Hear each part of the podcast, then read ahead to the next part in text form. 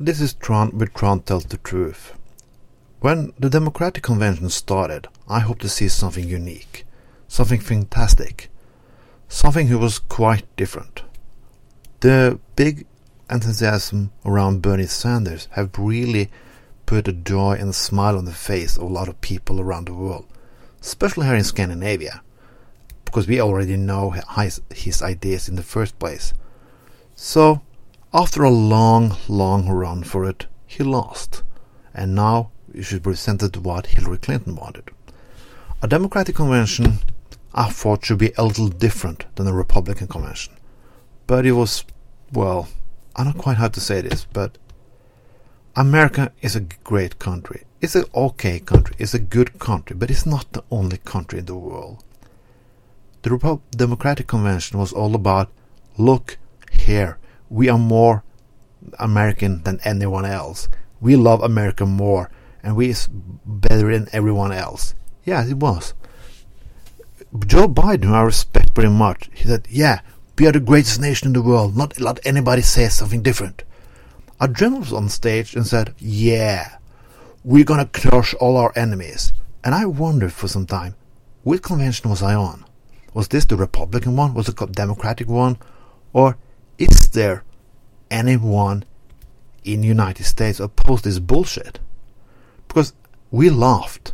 We just took a big laugh because the only reason why we like Democrats a little bit more is because the Republicans are batshit crazy.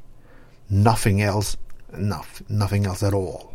There was one beautiful thing there, and that was Bernie Sanders. You can see on his face that he was sad. He was disappointed. He didn't support Hillary Clinton with a light heart. He did it because he had to. And that's also why I do it. Not because I love her, because the alternative is worse. Much worse. But you have to see. Bill Maher once said that America is one of the most stupid countries there is. It isn't. But it's the most narcissistic country in the world. You have to learn yourself a little lesson. You're not the only country in the world. Just saying you're big all the time, swinging the flag, dropping balloons, saying you're going to crush your enemies, doesn't make you respected.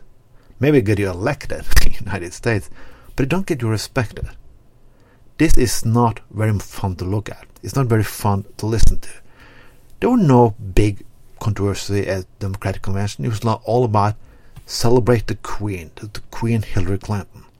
But but and we got some beautiful thoughts about a Muslim father who lost his son fighting for America in two bullshit wars he never should have been in in the first place. Some the Bernie what I was very clear after this watching the convention is the Bernie Sanders revolution must not stop. It must not stop at all. It must roll over America.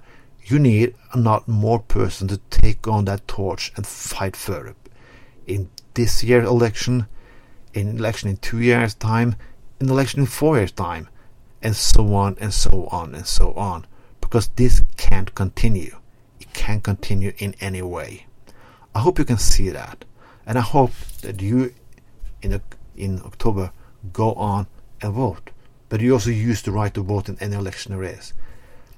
I also hope you all of you who fought for Bernie Sanders' ideas still fight for it because you have allies. Because this is not just an American revolution.